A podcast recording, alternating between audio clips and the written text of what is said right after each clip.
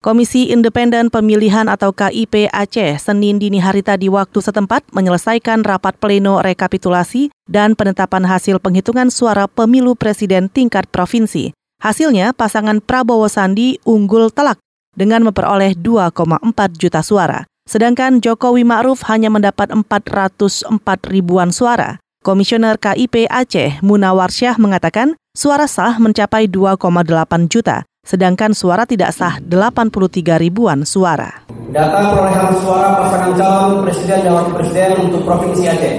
Pasangan 01 Senior Haji Joko Widodo, Profesor Dr.